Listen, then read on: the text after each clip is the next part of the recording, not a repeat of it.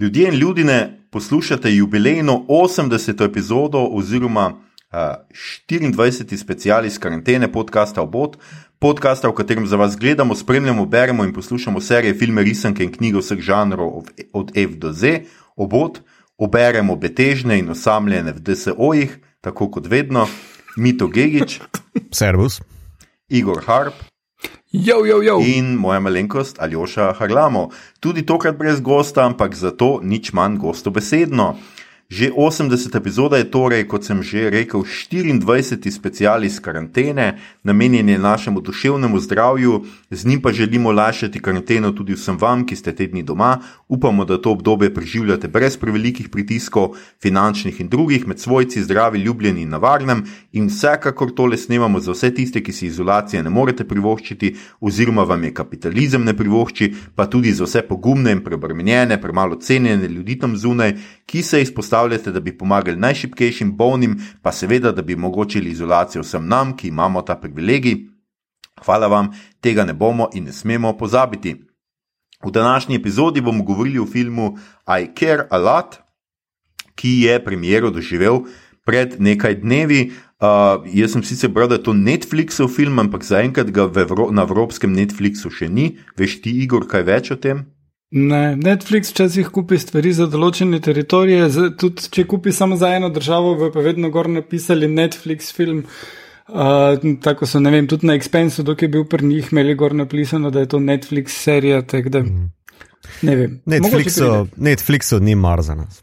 ja, skratka, za enkrat filma še ne morete legalno nikjer pogledati, uh, ni dosegljiv, no razen na kakšnih mogoče, na, mogoče na kakšnih plačljivih. Uh, posebej plačljivih zadevah. Vsekakor pa, če filma še niste gledali, pa ga nameravate, potem za vas velja standardno pozorilo. Epizoda bo vsebovala kvarnike. Če bi film prej pogledali brez kvarnikov, storite naj, najprej to in se k poslušanju naše epizode vrnite pozneje. Če pa ste film že pogledali ali pa ga niti ne, ne, ne nameravate gledati, bi se pa kakšno uro kratko časili, pa se nam le pridružite. Maestro, zaigraj eno. Um, kako že, čakaj, eno, na koncu jezika imam tisto, no, tisto, tisto kar je vedno. No.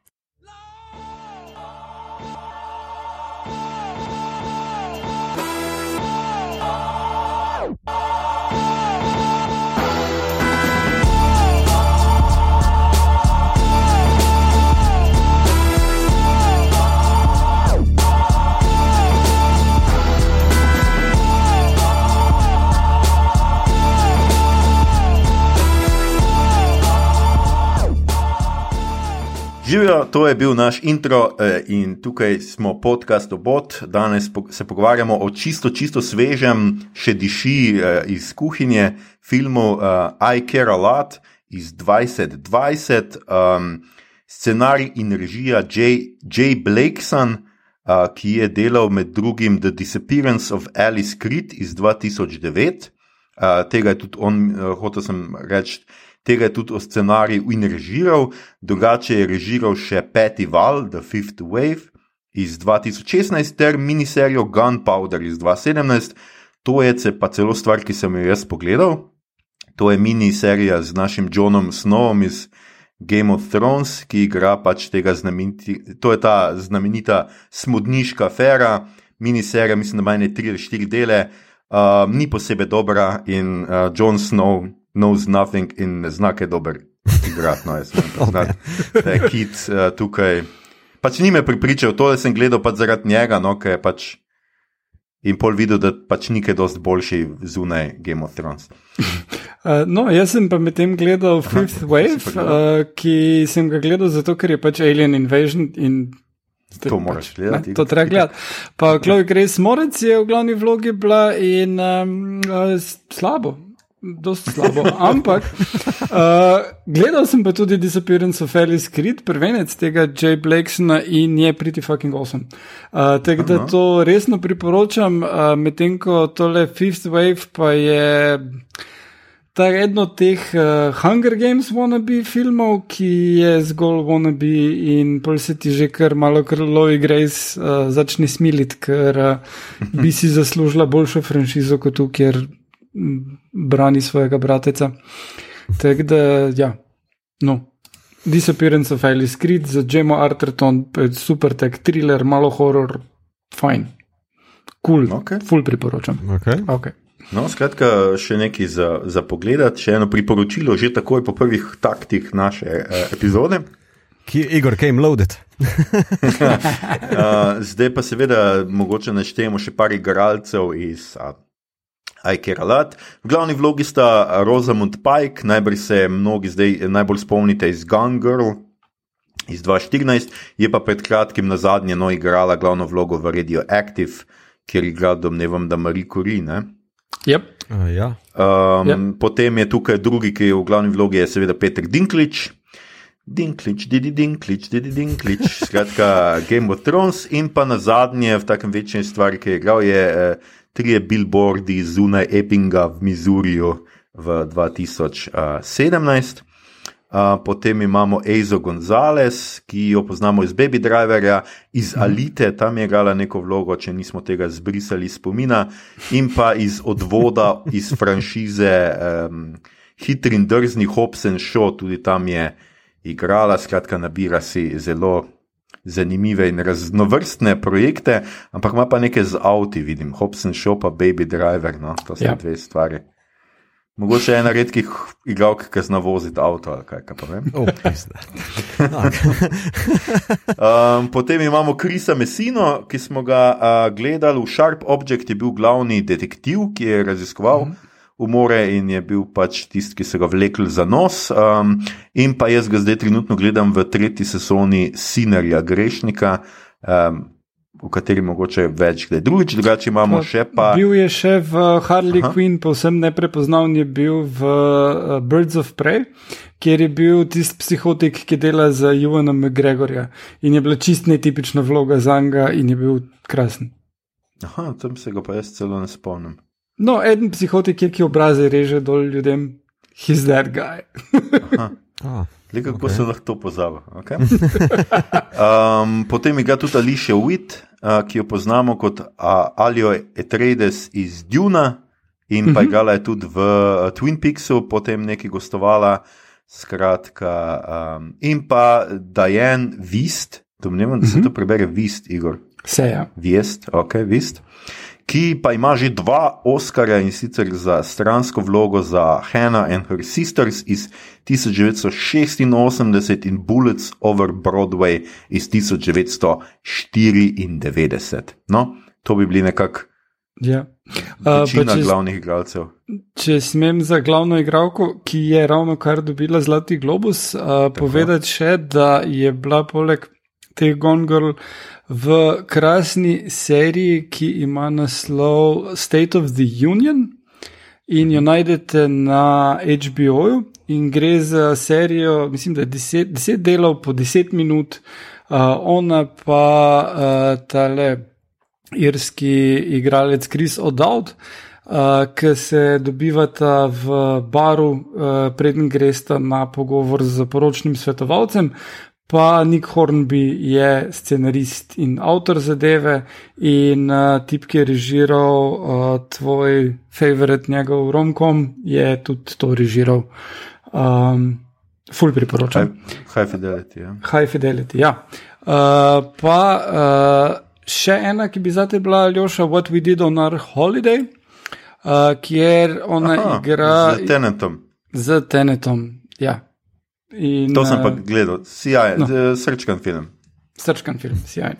Ampak Tako zapomnil sem si bolj Tenenta, prosti. Igor. Pa uh, malo ve, večina ljudi je to pozabila, ampak eh, dejansko, ko je bila skoraj da še mladoletna, je bila Bond Girl v Die Another Day. Malo je mimo šla, uh, Pirsa Brosna na takrat, Aha. Rosamund Pike. Ja. Ja, to sem sicer videl v njeni uh, pač filmografiji, ampak ker se nisem točno spomnil. Ja, jaz se jo pa ne- to. Jaz se jo pa najbolj zapomnim iz Libertina. Uh, Gledal A. to, kdo odvaja. Johnny Depp, Libertin. Ja, vem, vem za ta film, ampak vem tudi, koliko sem skadil zraven. da Se mi je Ja, zdelo primerno, da k temu filmu si ga ogledam pod substancami in posledično vem, da obstaja film Libertin z Johnnyjem Deppom. Jep, jep. Ne, film je čisto kul, cool, ona je dobra, no, Johnny je pač Johnny. Um, uh, sicer predvsej taka twisted, tragična zgodba o vesti, vsej tej bojimski uh, baročni sceni Londona, uh, ampak ona je taka zafrustrirana žena, kar hardcore. Um, neki, neki, ne vem, rekel jim za sanje v baroku. Um, okay. Ja. To je zelo dober opis. Ja, um, Ja, no, skratka, zdaj smo našteli skoraj vse, razen noči nismo povedali o skoraj da v filmu I Care a Lot. In tukaj bo Igor skočil in nam malo predstavil osrednjo premiso uh, tega filma, ki ga bomo danes obravnavali. Za vse tiste, ki se še na tej točki odločate, ali bi nas poslušali dalje ali ne več, če filma seveda slučajno niste sami že pogledali. Igor. Torej, uh, film je bil na Globusih nominiran v kategoriji komedij. Uh, in moram reči, da kdorkoli določa te kategorije ali pa odobri te kategorije ali pa karkoli, je psihotik. Uh, ker, ker ne razumem, kako bi se ti to lahko zdelo kot komedija. Mislim, ameriški psiho je bolj komedija kot to. Zgodba je o izredno zlobni ženski, uh, ki ima kapitalističen cilj biti bogata in uh, to se odloči doseči tako, da bo uh, stare ljudi razgle, dala razglasiti za neprištevne in jim pobrala premoženje in uh, jih naselila v en DSO, kjer jih bodo zadrugirali, da se ne bojo mogli buniti. Preprečila stik z morebitno familijo in uh, spraznila račune za svoje storitve, za DSO, s katerim si delim, v katerem ima delnice. In uh, tako in drugače, in ima pač cel sistem razdeljen, potem pa pač um, uh, ugrabi, rečemo kar temu, napačno žensko, in kot se izkaže, je to mati enega mafica, ki ga igra Dinklič. In uh, potem se mafija spravi nad njo, ampak ker je to kao komedija in ne uh, film uh, po knjigi um, kaj že onega, ki je uh, No Country for Old Men napisal. Uh, mafija ne, en, ni, da bi mafija v enem potezu uh, jo pokon, v eni potezi jo pokončala, ampak se ona nekako skoraj da superherojsko reši in uh, obrne uh, šahovnico ali kakorkoli, ne vem, katere metafore bi tu uporabil. Um, In spra se spravi na tega mafica, ter uh, v bistvu pride z njim do kompromisa, do enega kapitalističnega uh, sporazuma, da imata drug z drugim ful probleme in sta drug drugemu prizadejala mnogo grozot, ampak lahko pa zaslužita dosti denarja. In hm. to je nekako to. Pol je pa zaključek eh, Very Layer Cake, kjer en tip, na katerega si mogoče pozabo, jo pokonča. Uh, kar je, da imaš neki kamapens na koncu, nekaj moralnega, ampak. Mislim, če smo vzeli kot komedijo, mora ona pol propasti na koncu, ne bi bilo še bolj smešno, da ji uspe in zavlada svetu in ne vem, še pobija papiz. Malo, ne vem. Imam težave z moralo tega filma. E, edino, da bi bilo to smešno, da se tam na nekih bahamih na na jahti smeji kot uh, iz Dave Chappella. I'm rage bitch, a veš, nekaj tajega. To, to, bi, to bi bilo edino nekako. Ampak ja, jaz tega spomnim, štekam komedija, črna komedija. V traileru ne vem, malo morja nekih cajtngov z zvezdicam, hilarious, pa ne vem, kva, kva, odkot vam to, ste vi gledali isti film, pizda. Jaz ne vem. Ja. Um, čuden, čuden. Ne, ja, ne vem, zgleda, da enim je bilo hilarious, pač ropanje starih ljudi, vse to. Le. Bolj što, da umrejo za um, COVID-om. Ja. Ne vem, no pač jaz mislim, da se o tem bomo kasneje, po mojem, več govorili. Um, jaz mislim, da je tukaj pač ena fundamentalna, čudna stvar. Jaz nasploh imam včasih probleme s filmi, ki ful mešajo žanre, uh, če tega ne počnejo dobro. -hmm. Problem je, kadar ti mešaš žanre, moraš to res, res paziti na ton, paziti na. Na marsikaj, no, da se ti žanri ne tepejo med sabo. Tukaj jaz mislim, da se žanri malo tepejo med sabo, predvsem pa se mi zdi, da je bodi si pač tale Blakeson ali kakorkoli že scenarist, režiser, rabu uh, žanr komedije oziroma klasifikacijo komedije za to, da je zgodbo spelo od začetka, ki je super, do konca, ki je super, skozi neke peripetije, dogajanja na sredini, ki so pač meni niso bila všeč. In mislim, da sem zaradi tega pač stvar ratala pač komedija. Zato, ker so to pač ti ruski mafici, najbolj nesposobna bitja, kar sem jih jaz kadarkoli videl na tem svetu. Mislim, da bolj nesposobni so sam še. So sam še one desert snakes, ali kaj so že bile, pač te. Ja, Sand snakes. ja. Sand snakes, ja. Mislim, da so samo še one bile tok nahajpane, pršle pa tok bile za noč, kot, uh, kot ti ruski mafici. No. Mm. Mm. Ja, predvsem. Tako da mogoče zaradi tega. Ja. Ja, jaz se strinjam, film je čez zmeden v, v tem oziru. Um, Tina je zelo dobro pripomnila, lepše je orisala kot jaz to zmedenost, ker je rekla kot neki fail um, homažu Tarantina. A veš, ker Tarantino ima en tak v, v svojih začetnih uh, prvih treh filmih nek tak miks. Uh, Nekega heist movija, ne? nekaj roparjev, ki skušajo pač obogatiti, um, tako ali pa drugače, pa znotraj je full nek, z dialogi dobre komedije upletene. Uh, in mislim, da je tle bil podoben konceptualen izhodišče, ampak full, full mimo.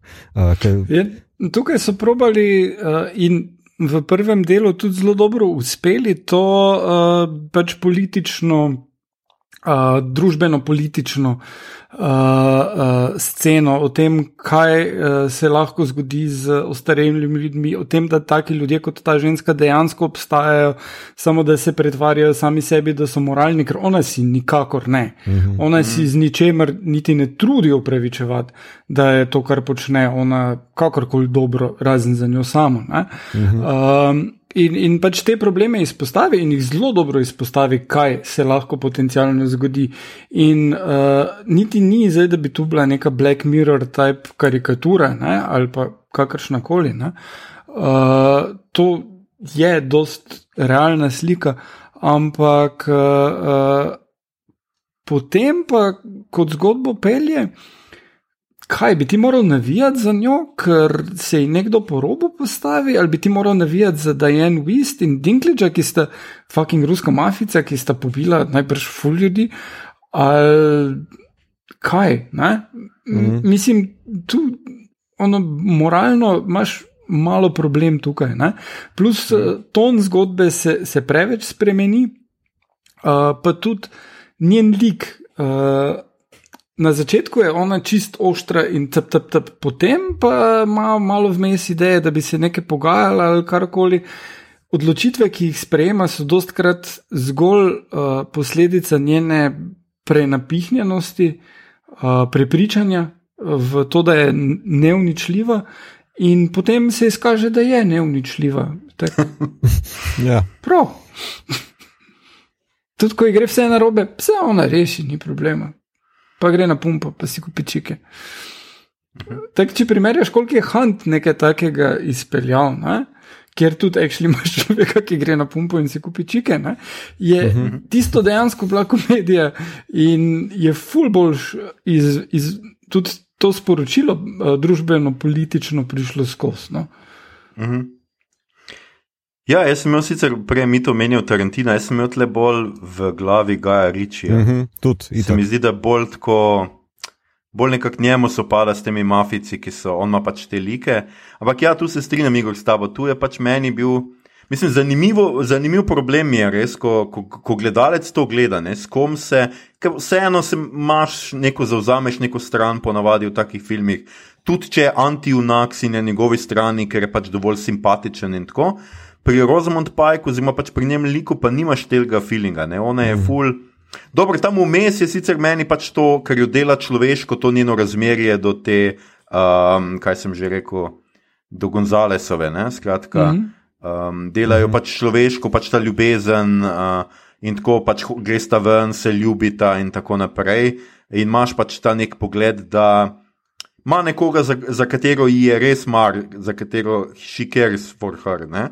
Uh, ampak tam pač malo mi je tudi karakterno, so mi ene stvari bile zmedene, ker ko pa jo ima tam na stolu Dinklič, pa ona kar neki ni strah smrti, vseeno je za vse, tak nek čuden nihilizem, ki bi si človek rekel, ki ga ne pričakoval od nekoga, ki je zaljubljen Mhm. in ima neko razmerje, in ki hoče obogatiti, ne na zadnje ljudje, ki hoče obogatiti, so zelo materialistično, zemeljski, tu zemeljski in pač hočejo dolgo živeti in biti bogati. No. Pač Mhm. tam pa Ja. se je meni zdelo, kot da je malo udarilo to nek. nek Kot da je ta njen nihilizem, no, ki bi ga mi sicer mogli nekako čutiti in v tem kapitalističnem, ki je podlaga nekega kapitalističnega načina razmišljanja, ne, da je tam čisto udarovan. Čeprav meni je bil ta prizor, recimo, eden boljših v, v filmu. No? Ker se mi zdi, da in Dinklič in ona pokažeta neko um, kompleksnost, končno imata ta neposreden dialog in končno mm. lahko oba, oba pokažeta, da znata res ful dobro igrati. No?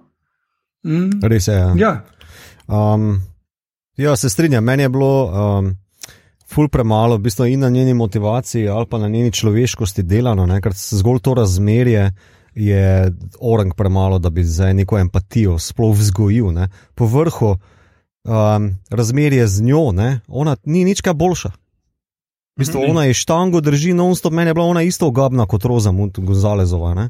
In uh, mi je bilo prav malo mar, kot da ne vem, če je zdaj bil mesec eh, tega razmerja, kao, a tudi bad people imajo nekoga radi, ja, juhuhu ali kva, ne vem. tudi jok Hitler je imel rad te v obrambi. Ja, mislim, to je meni čist premalo. No. Ja, mislim, ker uh, po drugi strani pa recimo, če primerjaš z drugimi nekimi takimi kapitalističnimi uh, uh, idoli, recimo temu, ne, ali uh, Gordon Gecko iz uh, Wall Streeta, on nima nikogar razen denarja rad. Uh, in, in ponavadi v filmih, kjer je to toliko v spredju, nimajo ljudi okrog sebe radi. Mogoče jih tolerirajo, mogoče so zaljubljeni, ali pa recimo vem, v uh, God of War, uh, kjer je uh, tale Nick Cage, igra preprodajalca orožja, ker tudi mu je samo za orožje mar, pa ima tudi ženo, pa otroka, pa so mu nepomembni. Ne?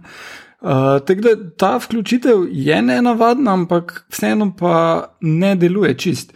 Uh, mimo grede, prej, ko si omenil Gaja Ričija, uh, tale Jay Blakeson je ravno diplomiral, ko je uh, tale uh, Riči posnel prve filme, tako da nedvomno je uh, uh, velik vpliv bil, bi rekel, med študijem v Angliji ker Ričevi filmi takrat so bili precej revolucionarni. Čakaj, zdaj jaz ne vem, Igor, ti si malo bolj spremljal, seveda, tega globusa. Ne? Čakaj, uh, a si pogledal tudi druge filme, a si je Rosamund Pike, recimo, za tole igro zaslužila uh, globus? Uh, samo primerjavi z drugimi, no? če si druge stvari. gledal. Uh, ja, gledal sem ve večino filmov, ki se jih da videti. Uh, in sicer, ja, uh, ona je bila v komediji, uh, med komedijami, zato da, po mojem, ni bila pol, uh, po, poleg McDormand mm. z Nomadland, mm -hmm. pa Carrie Mulligan iz Promising Young Woman. Ne? Uh, in je bila poleg, aha, ja. Dejansko gledal sem Borat film in Marija Bakalova je bila boljša, po mojem. Uh, Medtem ko, ja, to so pa takoj rekli, da ta le vloga od Michelle Pfeiffer, pa ta od Kate Hudson, da sta oba filma zelo meh, pa da pač ni čist jasno, zakaj sta one dve tu dobile nominacije. Anja Taylor Joy za Emo je pa si zaslužila, je, je zelo vreden film, ena boljših adaptacij te zgodbe. Je pa uh, stvar v tem, da je Anja Taylor Joy toliko bila v spredju zaradi Daminega Gambita, da je pol.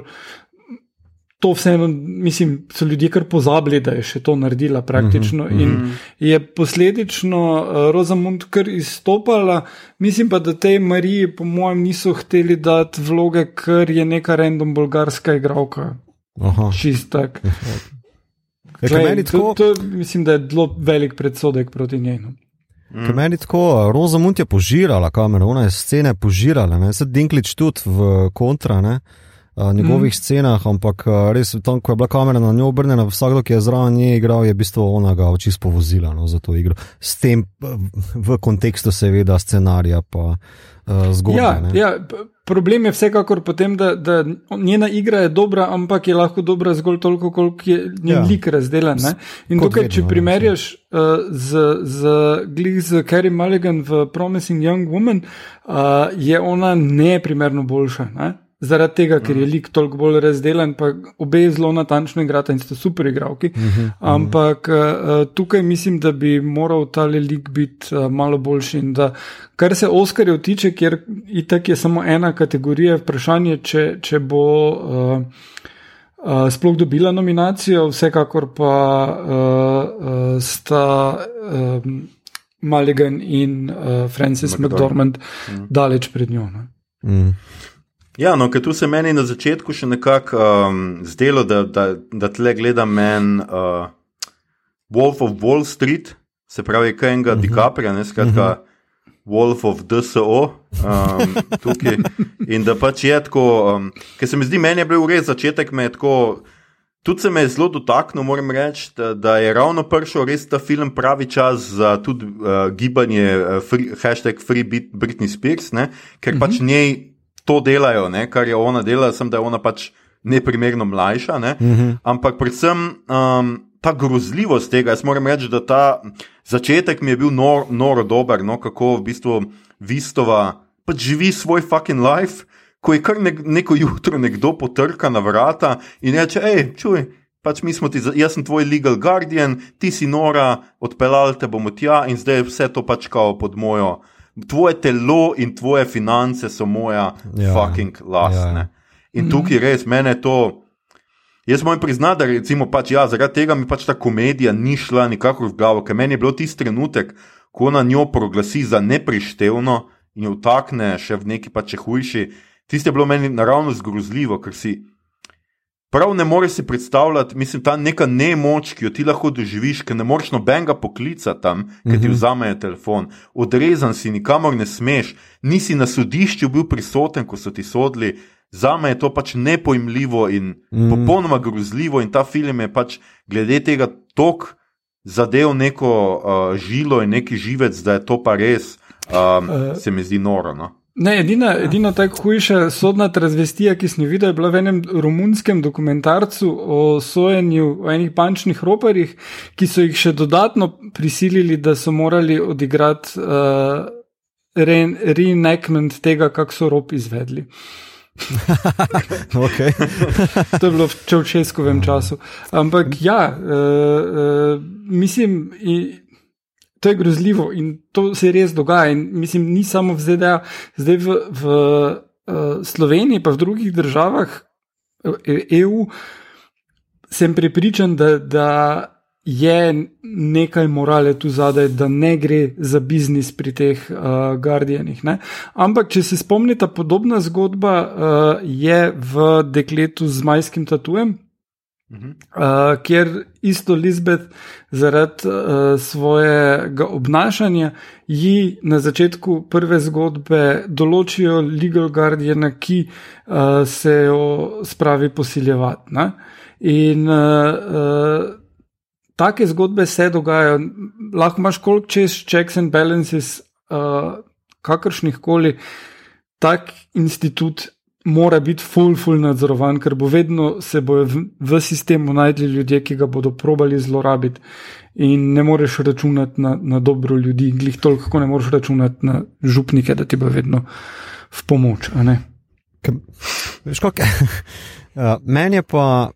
Mene je sicer tole držalo 10-15 minut od tega uvodnega koncepta, ne, da pač uh, kaj se lahko pripeti. Uh, ampak Meni je to tako neverjetno, da sem že vmes med filmom šel takoj pogledati, da je to sploh možno in je v bistvu zelo za lase privlečen koncept. Um, ker imaš eh, varovalke tudi v ZDA, v tem groznem sistemu, kot se ga oni grejo, pa kot je Britni primer, za katere vemo, ne pa tako, kot si ga ti zdaj sam naštel. Ne? Ampak mm -hmm. tako hude zlorabe, za tako, zve, mislim z vsemi temi varovalkami povoženimi, od uh, doma za ostarele direktor do uh, sodnika, do zdravnice, uh, do svojcev, da noben ne more nič ukrepati, oziroma so vsi na strani kapitala, da se tako izrazim, um, mi je bilo tako beyond, oziroma tako preveč vse skupaj, uh, pa na prvo žogo, da priznam, da pač nisem kupil tega.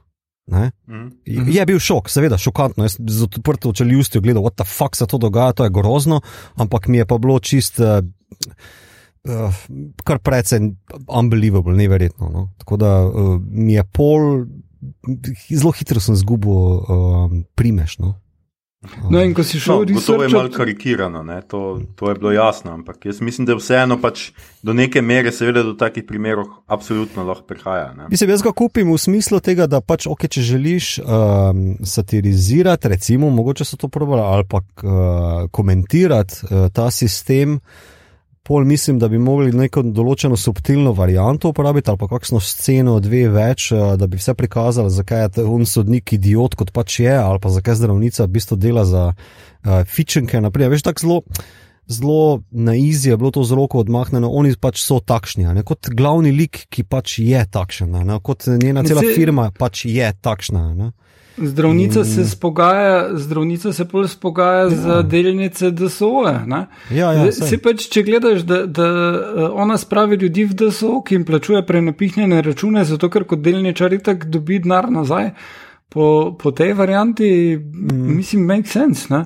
Ker, veš, fina, zdi se mi, da je ena fina meja je tukaj obstajala, vse v, po mojem, v eni inočici scenarija. Ne, da pač ali se gremo ageizem, ne, torej um, uh, nek uh, slabšalen odnos do starostnikov, ki jih imajo za pretežno zahodne države. Ne, um, Ali pa kritika pravnega sistema, ki omogoča takšne anomalije. Ne? In mislim, da so pač tukaj zapadli v neko orang po preproščenju teh problemov, uh, ki bi mogoče služilo komediji, če bi ta obstajala. Ali pa če pogledam drugače, mogoče zato, ker film tako neuspešen v teh humorističnih nastavkih, uh, da pač lahko, da sem zapadal v bolj, rečemo, vmes že med gledanjem, ne, v nek kritično presojanje, ali je to sploh možno, what the mm -hmm. fuck, in tako naprej. In to me je metalo ven iz filma, v bistvu. Uh, tako da, ja, zopet bom tu s prstom na scenarij pokazal, ne, da pač, sorry, tu bi yeah, se lahko malo več potruditi.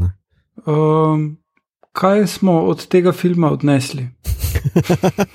smo, kaj, kaj smo odnesli? Wow, okay. yeah. Jaz mislim, da je meni najbolj, mislim, najboljša poanta, ki se mi zdi v tem filmu, je tako, da zdaj mi je pa z glave še, še tri sekunde nazaj, sem vedel, s, kom, s katerim filmom sem hotel to primerjati. Ampak skratka, najboljša poanta mi je to, ko Dinklič v resnici na koncu ugotovi, da to, kar on počne, je sicer mafija in. Uh, nevarno in ne vem kaj, in pač kriminal, ampak da to, kar ona počne, je pa fucking easy money in da samo vanjo more vreči nekaj keša in je to uh, pač uh, farma za krave, ki jih lahko sam mozeš. Ne? In da v resnici tle ugotovi on, da je, da je to ve, desetkrat večji kriminal kot.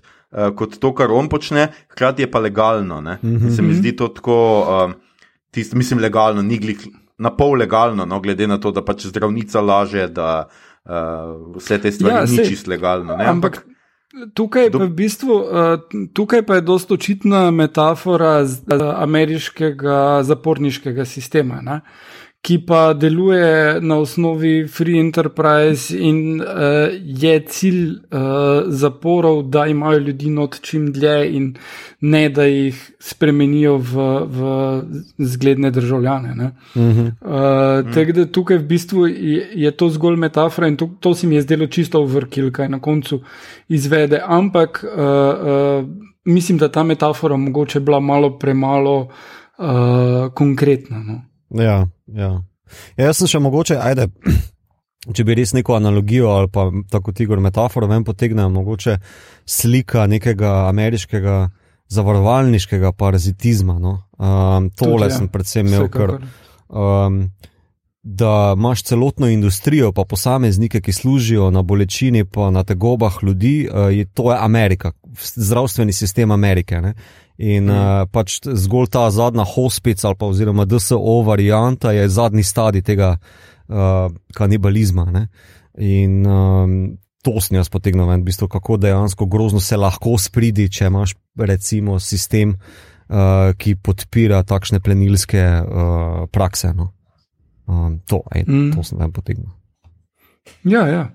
Ne, se, to, to je dejansko zelo dobro sporočilo, da ti vseeno ostane, kljub temu, koliko infuriating je, je film vmes. Uh, plus, treba reči, da ona scena podvodna je lepo posneta, pa da Dinklič uh, na krogih Hej, bravo, stari. Mm. ja, se, to je kar. Ja. Tudi, se film, film je obrtniško brezhiben. No, mislim, ni, ni mi nič več štelelo, da bi zdaj rekel, avto pa je zdaj ne vem, full zajep ali pa nekaj tasga. Um, mogoče malo preveč teh slow motion Tarantino, Gaj Riči, uh, walk inov, predvsem ona benzinska.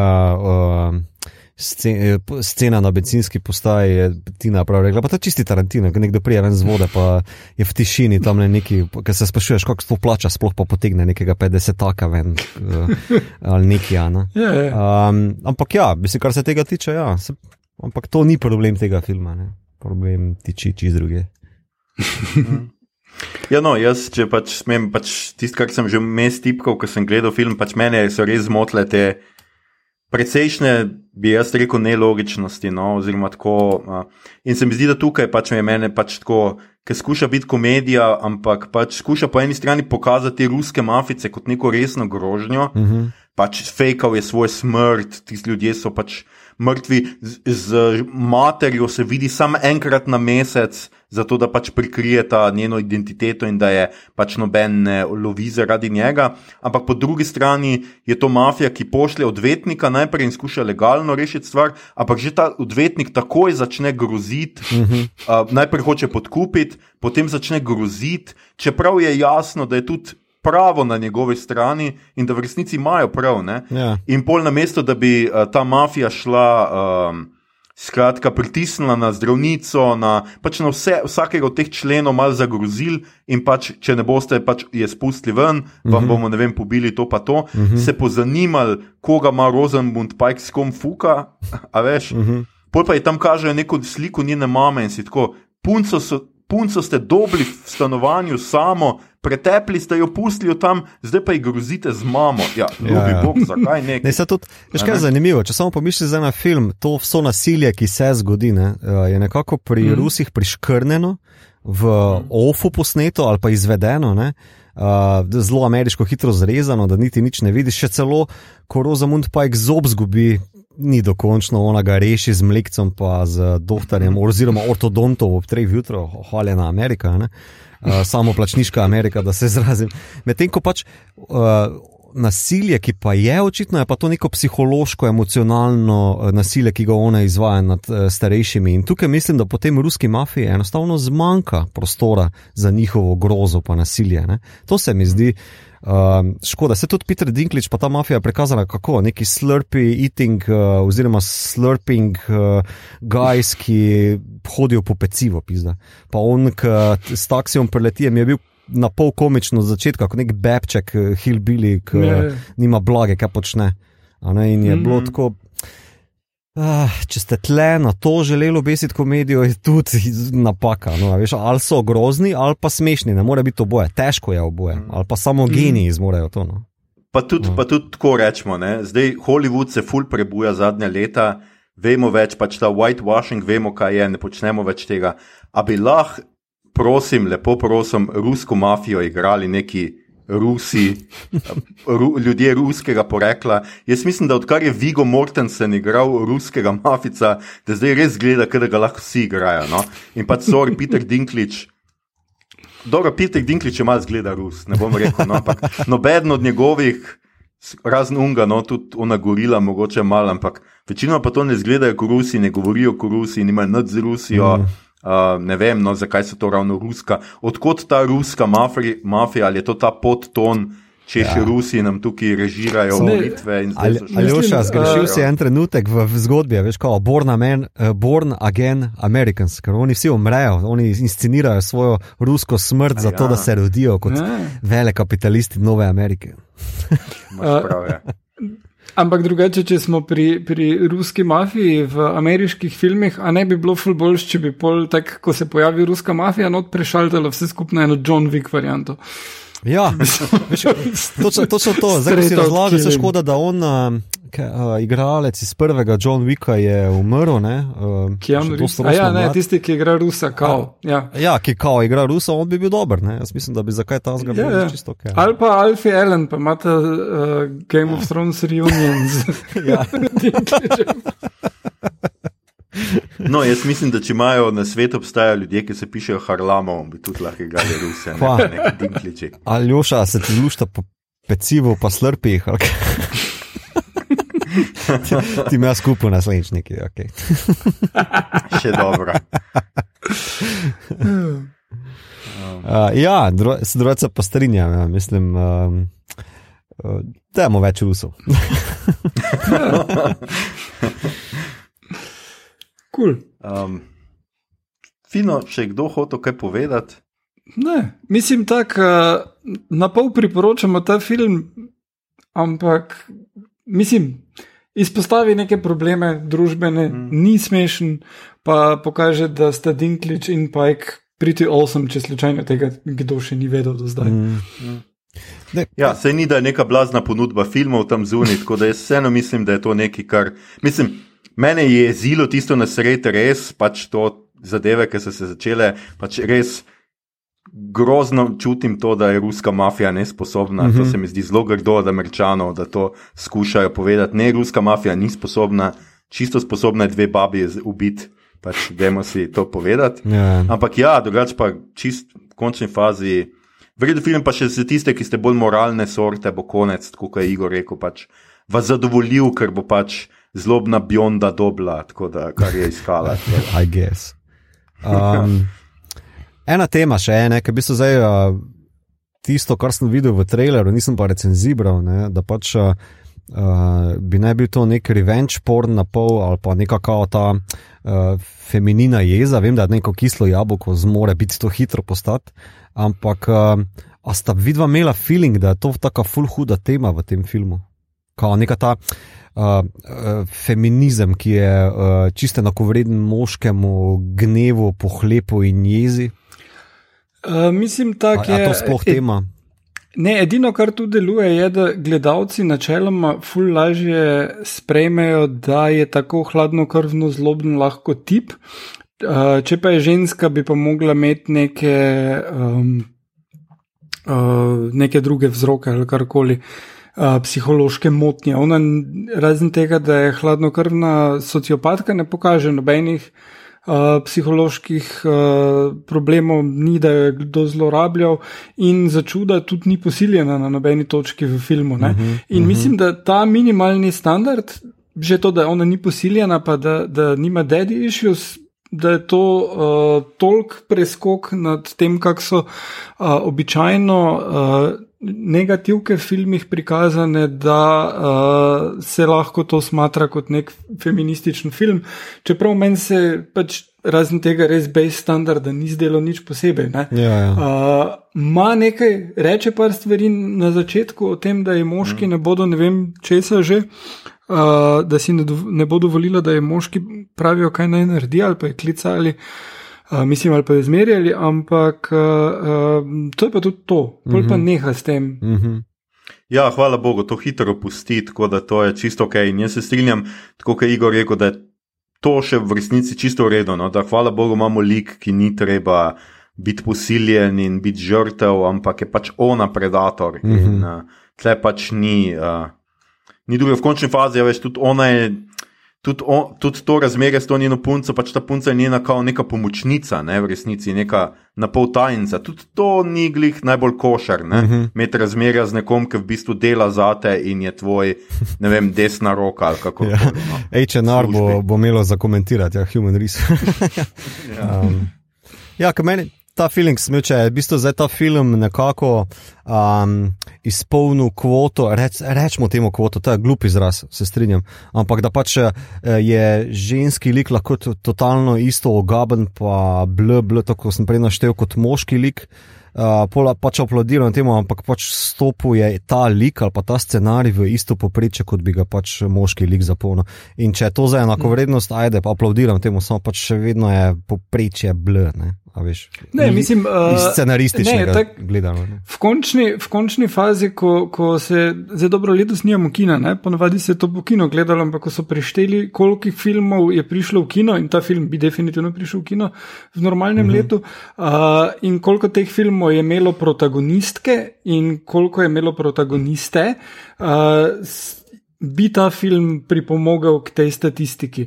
In Aha. to je statistika, ki dejansko od 90-ih upada uh, in je vedno manj filmov z ženskimi liki. Tako da mm. uh, z tega stališča je v redu. Mislim, ja, ja, sej, seveda, to, seveda.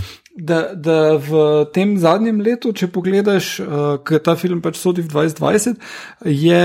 Uh, to eden izmed mnogih filmov z protagonistkami, ki in nekateri med njimi so bistveno boljši, uh, uh -huh, ker uh -huh. pač je. V bistvu zaradi tega, ker blokbusteri so izpadli, je prišlo naprej full filmov z ženskami, tudi takih, ki so jih ženske naredile, ali pa so ženske v glavnih vlogah, ali pa oboje, uh, ki uh, uh, so dobili dejansko lahko več pozornosti zaradi tega. Uh -huh, uh -huh. In ja, To je del tega gibanja, ki ga je omogočil COVID. In upajmo, da bo prihodnje leto, ko bomo spet imeli kinote ali pa kdaj, ne, to uh -huh. uh, šlo še naprej, ker uh, um, mislim, mene dejansko bolj zanimajo filmi z junakinjami, kot z moškimi srednjih let, ki imajo krizo srednjih let. Tako ja, res, okay, wow. tega pa še nismo videli. Da, ja.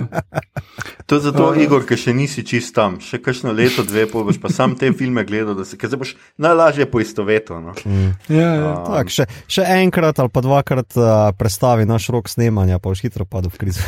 Pol pa, pol pa še samo vudi, ali ne gledam ali kaj. uh, drugače, ja, tudi ta film bi prestal Behdel in test, ne? ker eh, v resnici oni dve nikoli ne govorita o moških, pravzaprav več čas govorita o bolj ali manj o uh, tej, teh pač ljudeh, ki jih bosta, kako jih bosta, pa o denarju, pa o diamantih. Mm -hmm. Uh, tudi to je v redu, no tudi zaradi tega jaz mislim, da je tu čist pasal ta lezbični odnos, da nimamo še te neke preokupacije. Pač z, z neko, najslabše bi bilo, če bi bila zdaj uh, Rosamund še nek lik, ki pač je še predator in menja moške in je promiskuitetna mm -hmm. in se pač obnaša mm -hmm. kot nek moški. Ne in in ima še otroka, je. za katerega ne skrbi. Ja, ali pa to, no, ja. skratka. Glej. Tako da, ja, no, okay. z tega stališča, ber minimum, jej. ja, se to, se to, to, to me zanima. Kaj v bistvu ta film ful malo ponudi v tem, da bi zdaj ne vem, se nekakšne liko beso, ker tako sem razmišljal. Meni so se v bistvu nekako zdeli za nezanimivi, ampak čustveno mogoče privlačni, v narekovajih orang, uh, liki torej njene partnerce, ki ima vsaj nek um, nagon po preživetju, ker začne pakirati polno pejma skrb, samo pustimo vse pejma, sam pejma. Mm -hmm. um, tale mati ki je na pol, rečemo, benigno bitje, ki je pač rekla, da jaz grem v penzijo, pa bom tle svoje diamante polirala, whatever. Ne, pač. In vse ti malo pač zasmili zaradi ječe. Ne. Pa seveda tisti tip na začetku, pa na koncu, ki pa ima za to histerično vlogo, ne, ki histerično reagira zaradi te krivice, ki se mu dogaja. Ne. Da ne more priti do obiska svoje mame in na koncu umre, in na koncu potem on naredi, kar naredi. Najbolj so še njega štekali on je jaz. Mm -hmm. A veš, pač. mm. um, ja, ja, mislim, isto bi ravnal, pa... če bi se ti to zgodilo. Ja, ne bi ravnal bi isto kot noben drug od teh likov. Ja. Ja. Ja. No, super, mi to lepo, da si priznal svoje morilske težnje. Um, predvsem me pa zdaj zanima, uh, glede na to, kar smo vse povedali v tem filmu. Tako, uh, jaz sem bil pripričan, da tokrat ne bo Star Trek kotička. Ah. In kar nekako ne razumem, kaj je v tem starem kontičku, kje si našel kakšne planet z starimi ljudje, ljudmi v DSO-jih, ki jih izkoriščajo, ali kakorkoli pač kaj. Skratka, um, za star tri kotiče, kje si našel sporednice, kaj je sporednica z um, delom, ki si ga odkril? Čakaj, ti imaš za scenarij odprt, jaz ga nimam. Torej, to je ja. naslov je Deep Space Nine, Family Method. Family Business. Family Business, thanks. business. Uh, iz tretje sezone, 23. del, je pa Firengi epizoda. Uh, in sporednica je kapitalizem, pa izkoriščanje utripizne materne. Pa imaš to, uh, uh, rečemo temu, feminističen komentar. Ker zdaj, uh, uh, Ferengije, kot boš videl, ali oša, uh, se resetirajo orang v dosti drugačen folk, kot pa kao kvazi bad guy v TNG-ju. Um, v te ultrakapitaliste galaksije, uh, in zgodba je takšna, da uh, Quark, ki ima bar, dobi uh, likvidatorja, ki mu hoče stečaj stisniti, zato ker je njegova mati pod sumom, da služi profit, ker ženske v preferengijih ne smejo služiti, ama ništa, še cunci ne zaslužijo. In um, on leti nazaj, na, je cel del je okrog temu, kako z bratom leti nazaj in skuša svojo mugi, uh, iška je ime, um, prepričati da se ne upraviči, ne vrne ves profit, ki ga je zaslužila za delnicam, um, in ona se mu opira, da pač ona je boljši ferengi kot je on kadarkoli, in je ena družinska dinamika notropolena. Um, torej, uh, ves koment. Večino komentarjev v tej epizodi, kot ga jaz vidim, je, je v bistvu, kako se ženska, ki želi služiti v nekem sistemu, ki jo tlači navzdol, lahko postavi po robu, pa magari če skriva profit, magari če izkorišča ostale, lahko pride nekam. Uh, pa ne me narobe razumeti, ves del je pretežno zgrajen okrog neke družinske dinamike, mati sin, pa uh, te nekega worldbuildinga, ki ga se DS9 v tem delu okrog Ferengiju zelo lepo gre. Ampak je pa ta le sporedni komentar feminizma, pa uh, Ferengi kapitalistične kulture, ki pa direktno komentira uh, torej naše, vse zgodna 90. No. Um, mm. Tako da tu sem videl povezavo, to je moja povezava. No, super, sliši se zelo uh, interesantno. In spet, ko me čakam, da pridem do tja, še nekaj časa bo, bo, bo trajalo. Um, ja, mogoče v kakšni od prihodnih epizod poročam o tem. Um, In ja, hvala, Mito, to je bil Star Trek kotiček za vse, ki kome čakate to rubriko. Zdaj pa še ena rubrika za vse, ki kome čakate, da bi izvedeli, kaj lepega, novega je za prebrati, poslušati, pogledati tam zunaj. In skratka, rubrika, kaj gledamo, beremo, poslušamo, začnejo tako kot tradicionalno, mi smo tudi tradicionalna družba, ki uh, se sledimo svojim pravilom, tradicionalno in začne seveda Igor. Igor, nekaj si prebral, nekaj si pogledal v tem tednu in enem dnevu, kar, nismo, uh, kar se nismo slišali. Uh, ja, torej, uh, prebral sem do konca knjigo, ki je lani dobila Hugota uh, in uh, povsem zasluženo. Zdaj sem prebral kar eno par teh knjig in uh, tale je definitivno nekaj najboljšega. Naslov ima A Memory Called Empire, avtorica ima pseudonim Arkadi uh, Marin ali Martin. Um, gre pa za dost high koncept zadevo, ki, ki bi jo primerjal kot nek križanc med Dunom, pa pod svobodnim soncem, pa Johnom Lekarom zraven, pa malenkost cyberpunka. Uh, Zdaj, osnovna štorija je, da je nek planet, ki temelji na Bizancu, ker tale Arkadi je uh, zgodovinarka, ki je preučevala Bizanc, pa armensko kulturo srednjega veka, pa take stvari. In ta uh, imperij, ki ima Teixi Kalan, se mu reče, kakorkoli, potem so še imena iz južnoameriških uh, stvari.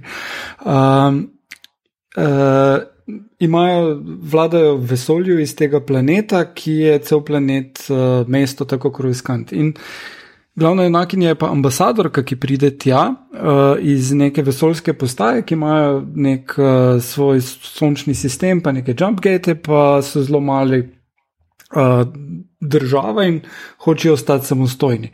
Uh, oni pa imajo eno tehnologijo, ki jim omogoča, to pa je zdaj drugi sci-fi koncept, uh, da si uh, spomin oziroma osebnost človeka se prekopira na disk in se ustavi v možgane. Ne? In to imajo samo ti ljudje. In ona dobi 15 let staro verzijo ambasa trenutnega ambasadorja na tem planetu, uh, da bo se lažje znašla. Uh, in gre tja, in gre pa tja za to in za staro verzijo, ker, ker je ambasador umrl v čudnih okoliščinah. Ne? In potem imaš celo to za začetek, koncept, kako se ona pogovarja z njim v glavi, ker se ona dva bi naj preko več mesecev združila v eno na nek način, ne? oziroma ona prevlada z njegovim um, znanjem in vedenjem in avtomatskimi reakcijami. Na kar, ko uh, zagleda njegovo truplo, on crkne in se pokvari, in ona nima več dostopa do tega, in potem je ona totalno fish out of water v tej civilizaciji, ki jo je sicer študirala in je malo obsedena z njo, pa vseeno ne razume. Ne? Sem bral, uh, dosti ljudem je bila ta knjiga blizu, ko so recimo šli študirati v Anglijo ali pa v ZDA, ko so. Uh, Pač imaš to kulturo, imamo jo vedno od spredaj, ne, v filmih mm. in serijah, in potem, ko greš tja, je nek, neko občudovanje, ampak hkrati se malo ti gabi, da občuduješ nekaj takega, kar ni tvoje, ker bi moral svoje interese zastopati. Glavnem, cela ta multikulturna scena je potem pa pač postane thriller, kdo je on ambasador je ubil, zakaj, kakšne igre se grejo politiki med sabo, to je pač ta zelo djun del iz prve polovice knjige. Uh, in potem je še uh, looming alien threat, obvisli, ja, kar pol v drugi knjigi razišče, ki izide naslednji teden. Uh, in uh, to zelo kompleksno zgodbo na krasen način vodi skozi še revolucije, vojna in vse se zgodi v štirih dneh, in še uh, uh, za romanco najde malo placa. No, to res. Um, Zelo vredno, pa še to, tisto romanco potem razplete tako, da pač obvesli ti je jasno, da bo on na eni točki nazaj v njeno glavo prišel. Ne? In imaš potem, eh, kako se on počuti, ko ona stoji poleg ljudi, s katerimi je on imel razmerje, in kako se počuti, in kako njeno telo začne reagirati. Poleg tega, v glavnem, čist. Uh, Sveži koncepti, zanimivi, uh, in hkrati ta le Bizanc se ga dejansko je tu not toliko, da, da pač zato sem pod svobodnim soncem omenil. Je to dejansko Aha. not. Prav, prav weird knjiga. Um, Fuljo priporočam, sploh ljudem, ki imajo radi jezik. Aha, še ena stvar glede tega teksta Kalana. Poezija je glavna stvar. Šifre so v poeziji. Torej, ti imaš neko pesem in na osnovi te pesmi si ti narediš šifro. Pač pesmi, ki so popularne, tako se pač. Uh, Tako imamo mi Twitter, imajo oni pesmi na nek način ne? in poezijo, in mora imeti meter in rimo, in lahko potem to vpliva na politiko. Ko ima uh, njihov cesar audienco pred ljudmi, pa nek žur, se potem bere poezija in se betla, ali na pol uh, rap battle izvede, ne? ampak brez bita. Okay. Prav, prav te, te eni koncepti so not tako lepo premešani, da, da še nisem nič podobnega prebral. In uh, kot, kot prevajalec, ko sem to bral, v smislu, fakit, to pa ne. to pa se ne prevede. Oziroma, ne vem, mogoče, mogoče bi kak eh, pižamsko moral take stvari, to, ampak hej, uh, uh, res, res zahtevna zadeva z tega stališča. In uh, vsakemu, ki ima rad poezijo, Bizanc. Uh, karkoli sci-fi, bi to ful priporočal, da to knjigo prebere. No, no to je slišati super. Ja. Uh, očitno ni za brez veze dobla hugeja. Ja, huge, ja, drugi del pride k malo ven, pravi. Ja, uh, drugi od dveh, kar mi je tudi zelo všeč, ker mi grejo na živce deset delne serije, ki pol že k malu nimajo kaj več zapovedati. Uh, in, uh, ja, Še nekaj si pogledal, Igor? Wolfwalkers uh, na Apple TV je film, animirani, uh, tretji del te uh, trilogije, recimo, ki temelji na irski folklori po uh, skrivnosti Skelsa in pesmi Morja. Uh, isti avtori so naredili, ampak tukaj so dobili cache od Apple in so animacije res, res, res, res, res, res, res dodelane. Tak, uh, Moram reči, da je najlepših animiranih filmov, kar sem jih videl. Uh, zgodba je lušna in uh, Sean Bean je eden od glavnih likov. In uh, bom, ne bom spojil, če umre ali ne, ampak se dogaja nekaj v zvezi s tem. Uh, Ful je lepa, lepa štorija o, o mitič, mitoloških bitjih, snovovkih je to prevedeno, uh, ki v bistvu, ko zaspi, se spremeni v volka, njen duh, ono telo tam spi, ampak tisti volki čist realni na okrog leta. In, uh, no, zgodba je lušna, sedem let naprej priporočljivo, uh, res, res, res lepo za vsakogar, ki ima rad animacijo. Okay, No. Super. Super, hvala, Igor, za uh, poročilo. Uh, Mito, ti uh, gledaš eno izmed serij, ki je pobrala največ uh, globusov uh -huh. uh, pred dvema dnevoma. Uh, poročaj. Korona, ja, drugo sezono sem zaključil, zdaj sem skoraj že tretji obrnil, mislim, da sem en sedmi del. Uh, it's good. Na enkrat rečem, kapo dol. Uh, um, Ogib, izogibal sem se lepce, zato ker bi pač eh, nisem baš neki monarhist, pa ti ljudje me sploh ne zanimajo po defaultu. Uh, nekako zgledajo, nekaj počnejo, nekaj govorijo, nič od tega. Ampak mi je pa všeč koncept, kako so ga tukaj priredili, da so nekako neki konceptualni sklopi uh, po delih, ki se povezujejo z resničnimi dogodki, uh, pa vsa ta fikcija teh likov, uh, ki je potem uh, prepletena z zgodovino, uh, je zelo, zelo učinkovito, pa zelo dobro narejeno. No. Da ni zgolj neka dolgočasna. Uh, britanska kostumka, ampak ima, ima celo nekaj zapovedati. No. Tako da uh, sem prijetno, pozitivno presenečen nad kvaliteto in uh, izvedbo uh, te serije. No. Res, uh, kapodol. Oziroma, heads off to you, ali kako se reče. No, super, uh, hvala. Mi to še malo pa me boš prehitil, če si že v tretji porkafi, bomo Ja. zdaj dalje Veš začeli kaj? gledati. To ni fair. Nič drugega nisem gledal, imel sem toliko dela, zdaj, da sem malo na stranski tir uh, porino konzumacijo teh kulturnih vsebin. Uh, Tina je sicer vmes še me zrajcala za Behind Her Eyes, ki jo je ona pogledala. Um, ne morem zdaj ocene dati, ampak to, kar mi je povedala, se sliši z zakon. Uh, tako da to miniserijo še moram obodati. Uh, drugač pa je tako, moj Star Trek je vedno na dnevnem meniju, ampak to poročam redno. No, super, hvala tudi tebi, Mito. Um, jaz sem v tem tednu pogledal film, katerim, o katerem smo se tudi pogovarjali, da bi ga mogoče delali. To je Space uh, Sweepers. Gre skratka za um, korejsko uh, znanstveno fantastiko, ki se mi je v prve pol ure strašno dopadla in sem že mislil, ves vzhičen vam napisati, da dajmo to absolutno delati, ker je super. Uh, pa skratka, prve pol ure se mal nam pusti, da mal spoznamo like, da mal vidimo vso to okolje in Ves ta svet uh, je fino zgrajen, pa so tako zelo lepi tudi prizori, pač tu se vidi, da je šlo v ta film kar nekaj konkretno, nekega keša, ne? pač kako oni potujejo na te um, vesoljske ladje, ki obkrožajo, kako so pač ljudje so umaknjeni z zemlje, ki počasi umira zaradi seveda globalnega segrevanja in vsega, kar smo uničili, uh, in se uh, živijo zdaj bogati na nekih vesoljskih ladjah oziroma na nekih platformah, ki so v orbiti Zemlje. In uh, ti so Space Sweepers, so dobesedno to uh, vesoljski smetarji, bi to lahko prevedli, in pobirajo skratka vesoljske smeti.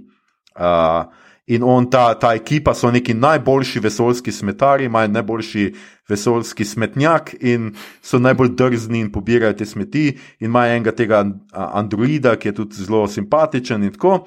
Um, in uh, vse do vsem je super, skratka, okolje, fulje nekih gadgetov, zanimivih, stvar spominja na Cowboy Beepopa. Uh -huh. Če je kdo gledal anime do uh, prej, um, res, res super.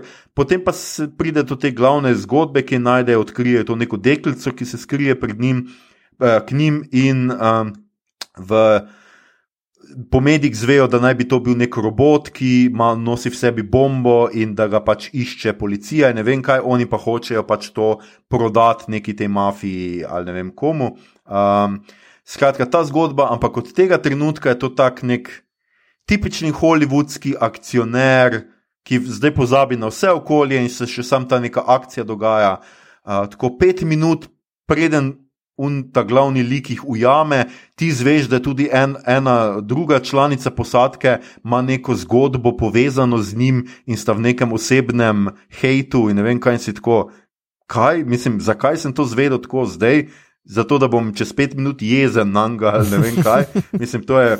Skratka, full ti flashbacki, un full začne težiti za tisto njegovo izgubljeno oziroma mrtvo hčerko in tako. Skratka, ni pol ni več vredno. No, čeprav je še vedno akcija, vse je dobro narejen, posneto in vse to, ampak nekako postane tako film precej klišejski in uh, kar mal naporen za gledanje že. No. Uh, tako da mi je žal, no, ampak uh, meni ni bil to všeč. Um, Skratka, to sem pogledal in pa drugo sezono The Sinner, grešnika sem pogledal uh, do konca in moram reči, da je druga sezona tam do zadnjih treh delov še boljša od prve, še malo dvigne letvico in je to uh, po prvih dveh sezonah zelo dobra serija, skratka, Krimič. V drugi sezoni mislim, da sem to že govoril, nek deček, skratka, za strupi. Dva odrasla, za katera mislimo, da sta njegova fotor in mama, ampak se izkaže, da nista. V to je povezan nek čuden kult, ki obvlada neko celo tisto področje, uh, nenavadne stvari se začnejo dogajati, ja, ampak na koncu je predvsej mal predvidljivo. No. Jaz sem tako od tretjega dela že vedel, kaj je poanta, pa se sem mal variacije so se spremenile, ali je una ali je una ali ne vem kaj. In pa zelo dobra igra, no moram še vedno reči, da Bill Pullman je super. Zdaj, pa sva, zdaj sem pa nekako blizu konca tretje sezone, moram reči, da tretja sezona je pa weird, uh, predvsej tudi neumna.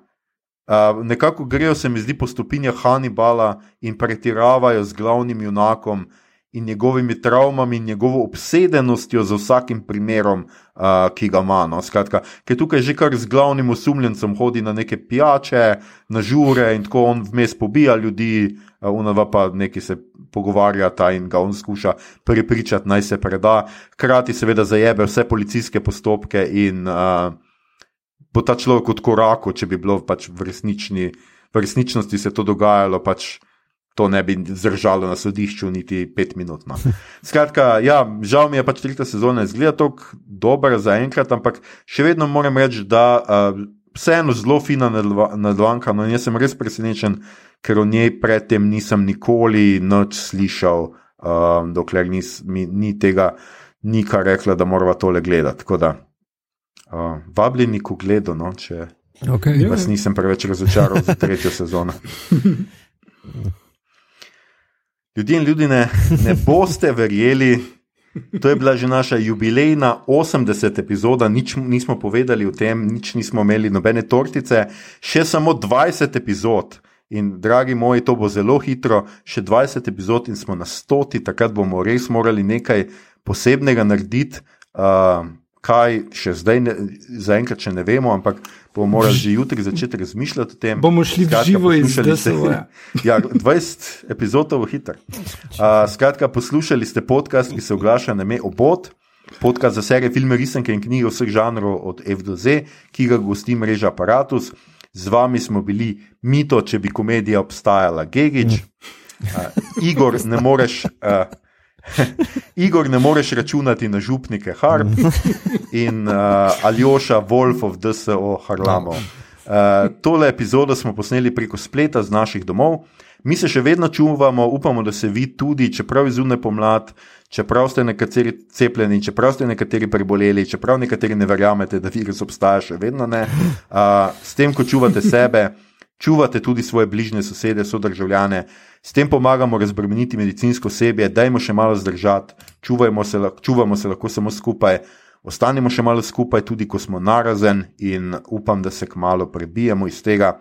Če vam je bilo všeč, kar ste slišali, širite, lajkite naš podcast, naročite se nam preko vašega najljubšega Apple oziroma ponudnika podkastov, dajte nam kakšno ceno na Apple Podcasts, spremljate platformo aparatu z odličnim izborom podkastov za vsakega.